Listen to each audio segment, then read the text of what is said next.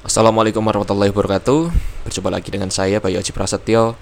Di audio kali ini kita akan membahas tentang Gratis versus bayar. Teman-teman Saya mengamati fenomena yang cukup unik ya Di setiap kali saya membuat kelas pemberdayaan diri. Fenomenanya adalah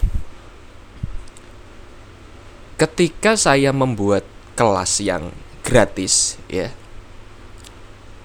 memang banyak yang ikut ya ya pasti dong ya gratis gitu. Tetapi yang unik adalah ketika sesi tanya jawab banyak sekali pertanyaan-pertanyaan yang cenderung keluar konteks nyeleneh dan mohon maaf cenderung nggak penting. Dan banyak sekali yang bertanya itu bukan bertanya, bukan benar-benar bertanya mencari solusi, tetapi adalah untuk mencari pembenaran atas uh, sesuatu yang ia lakukan. Jadi inilah yang uh, disebut di awal yaitu tidak penting, yaitu pertanyaan yang sebenarnya tidak nanya tetapi mempertanyakan dan juga mencari pembenaran atas perilakunya seperti itu. Nah, inilah pertanyaan-pertanyaan yang bikin pegel ya. Udah gratis bikin pegel lagi gitu kan ya. Ya bukan berarti apa namanya bukan berarti yang mengisi nggak ikhlas ya. Tetapi inilah fenomena yang kita temui di lapangan. Lalu saya membuat kelas lagi yang kelas online ya yang cukup murah. Dan pertanyaan-pertanyaan atau eh, peserta-peserta yang memberikan pertanyaan yang kurang penting dan cenderung melakukan pembenaran ya yang udah terlanjur kecanduan penderitaan itu itu cukup berkurang sangat signifikan. Dan apalagi yang sampai kelas yang sudah berbayar jutaan. Ini kecenderungannya yang datang adalah orang yang benar-benar niat belajar mencari solusi dan juga pertanyaannya tuh berkualitas banget. Bahkan sering saya menemui peserta yang saya kan sering ngajar NLP ya sering ngajar NLP main programming seperti itu. Banyak peserta yang bilang gini mas aku ini kalau nggak di kelasnya mas Bayu ini aku tuh nggak bisa loh mas di hipnosis nggak bisa dibikin sampai apa namanya trance gitu relax banget lalu diberikan apa namanya programming di bawah sadarku tapi kok di kelas ini bisa ya nah inilah yang menarik teman-teman yang menarik adalah mereka sebenarnya secara tidak sadar dari awal sudah siap untuk melakukan perubahan. Karena apa? Mereka dari awal sudah mau membayar. Sehingga di bawah sadarnya mereka sudah eh, tertanam bahwa oh aku bayar sehingga aku harus berubah. Jadi sebenarnya gratis dan membayar itu pada akhirnya kebaikan yang didapat adalah untuk orang yang mendapatkan gratisan atau yang membayar tersebut, bukan orang yang memberi gratisan atau yang memberi tarif. Jadi misalnya seorang guru mematok tarif, itu sebenarnya bukan untuk kebaikan gurunya, tetapi pada akhirnya untuk kebaikan muridnya. Pada akhirnya ketika murid yang sudah benar-benar serius dari awal masuk pun ketika dia bayar itu sebenarnya sudah setengah perjalanan dia menuju perubahan. Dibandingkan dengan yang gratisan. Alah kalau aku nggak dapat perubahan juga nothing tulus kok aku nggak ngeluarin apa namanya duit. Ya aku nggak ngeluarin biaya. Aku tidak melakukan pertukaran. Nah tetapi bukan berarti yang bayar uh, sorry yang gratisan seperti itu ya yang gratisan menyepelekan dan dan cenderung tidak mendapatkan perubahan ada yang mendapatkan perubahan ya walaupun gratis tetap ada yang mendapatkan perubahan tetapi dengan catatan bahwa sebenarnya orang itu tuh niat pengen belajar tetapi itu belum punya dana. Nah, dia memanfaatkan sesuatu yang gratis dan dia bersungguh-sungguh belajar maka dia akan mendapatkan perubahan. Nah, di situlah letak dia melakukan pertukaran. Ya, seperti yang telah kita ketahui bahwa di level energi di kehidupan ini tidak ada sesuatu yang gratis. Ya, sampai level atom pun tidak ada sesuatu yang gratis di level energi. Semuanya harus ada yang namanya pertukaran. Loh kita mau masuk surga aja harus sholat, harus beribadah. Ya walaupun uh, itu pada akhirnya yang menentukan kita masuk surga atau tidak itu kan ridho Allah ya. Tetapi itulah pelajarannya. Ya. Kita bisa juga lihat orang yang apa namanya? Kita lihat orang yang sukses. Menurut versi kita masing-masing ya. Kita bisa melihat kesamaan bahwa kok bi bahwa masa lalunya pasti ada sesuatu yang struggle dalam kehidupannya. Entah itu sengaja atau tidak. Ya, yang sengaja itu biasanya yang melakukan tirakat. Ya, tirakat itu adalah sesuatu menyengaja um, membuat diri sengsara. Dalam tanda kutip ya. Misal puasa, lalu apa namanya? puasa Senin Kamis, sholat tahajud, ngaji misal seperti itu ya mungkin sebagian orang bilang itu ibadah ada juga orang bilang karena ia ingin sesuatu maka ia harus tirakat ya pada intinya seperti itu ada sebuah pertukaran tidak gratis ya nah kita balik lagi ke konteks tadi yang soal kelas itu tadi ya nah ada juga orang yang udah bayar tetapi dia tidak mendapatkan perubahan nah ini juga fenomena yang unik ini saya temui juga di kelas bahwa waktu itu ada orang yang saya tanya, apa tujuan Anda mengikuti kelas ini? Penasaran. Penasaran aja saya, Pak.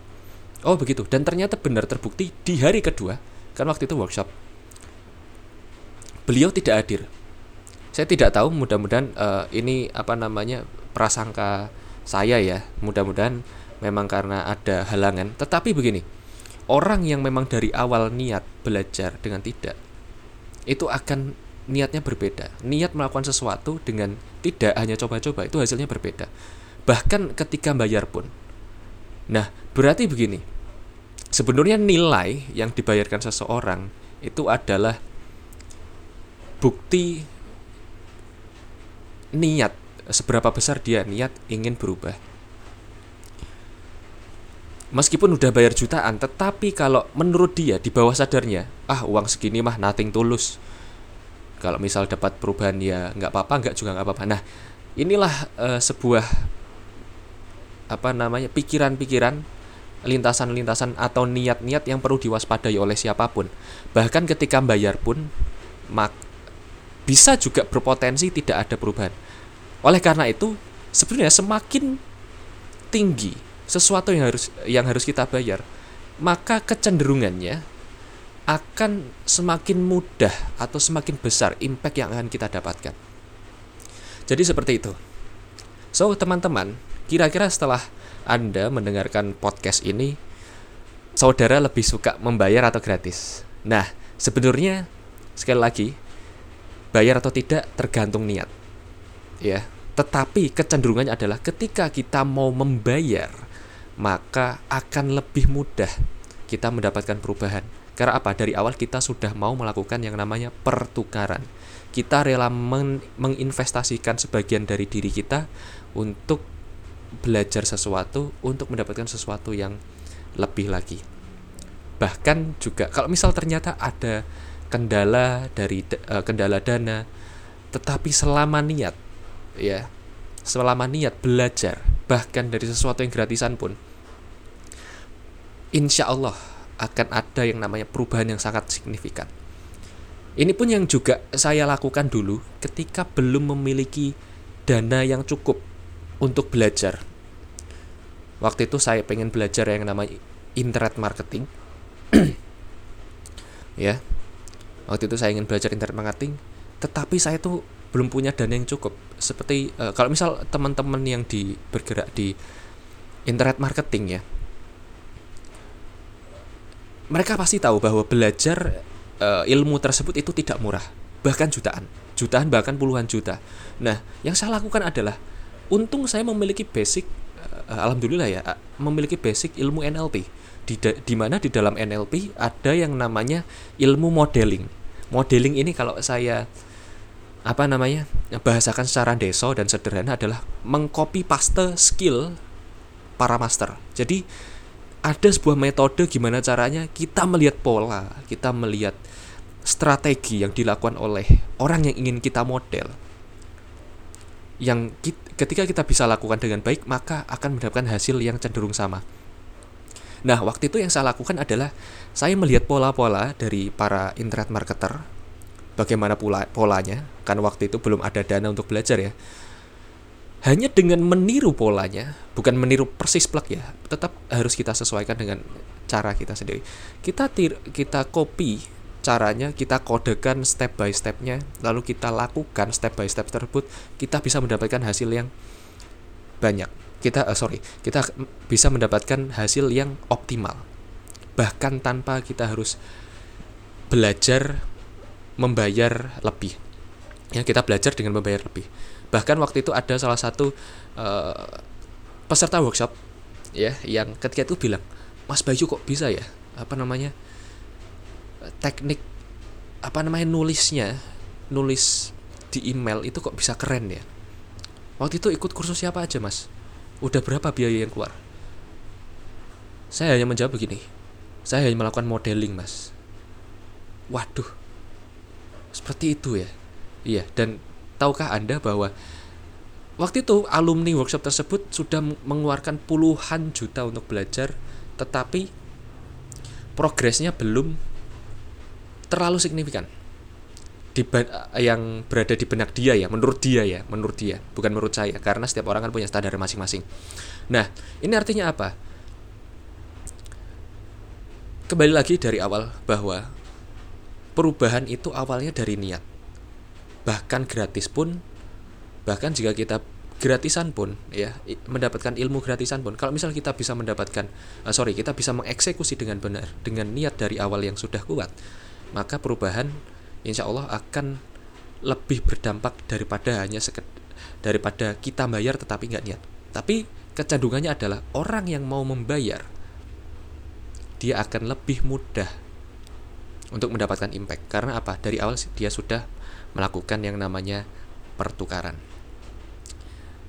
Nah, sekarang kita masuk ke dalam tips. Gimana tips agar kita uh, belajar kita bisa lebih mudah berimpact atau berdampak caranya adalah kalau belum punya dana berarti kuatkan tekad kuatkan niat untuk belajar agar e, bisa berubah ya ketika kita belajar kita mendapatkan apa namanya sesuatu yang gratis coba kita jangan hanya mendapatkan gratisan saja tapi kita berikan atau ajarkan ke orang lain agar apa kita pun juga melakukan yang namanya pertukaran oke? Yang pertama, kita ketika mendapatkan sesuatu yang gratis, kita harus mengeluarkan ya sesuatu yang bisa kita lakukan kepada orang lain. Sebab dengan niat sebagai bentuk ini cara saya membayar ilmu yang saya dapatkan gratis.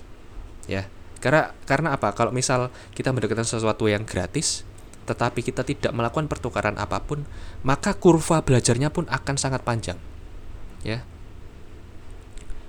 Nah, kalau misal kita mampu bayar, coba bayarlah sesuatu atau ilmu yang agak di atas kemampuan kita.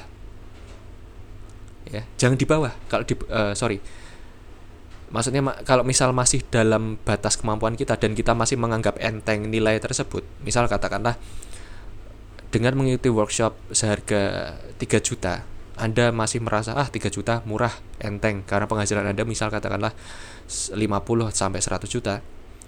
Coba jangan ikut workshop yang harga 3 juta.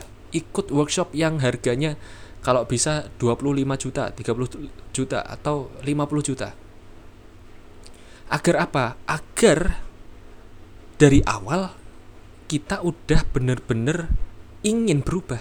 Karena kalau misal penghasilan 50 juta dan menganggap 3 juta itu receh ya ya sama kayak tadi yang ada orang yang ingin belajar masuk workshop saya pengen saya penasaran aja nah kayak gitu untuk mendapatkan perubahan kemungkinannya akan sangat kecil nah oleh karena itu sebenarnya sebenarnya kalau misal ada workshop ada pelatihan ada kelas yang menurut anda mahal ya menurut anda mahal itu sebenarnya adalah momentum perubahan yang harus kita bayarkan. Karena apa? Dengan begitu kita niat dari awal pengen praktek, dari awal pengen memiliki skill tersebut, dari awal kita pengen menjadi master pada bidang tersebut. So, begitulah yang bisa saya sampaikan. Cukup panjang ya. Sudah 15 menit terhitung hingga sekarang. Mudah-mudahan audio kali ini benar-benar bermanfaat untuk Anda dan silakan share kepada siapa pun yang Anda kira membutuhkan. Terima kasih. Wassalamualaikum warahmatullahi wabarakatuh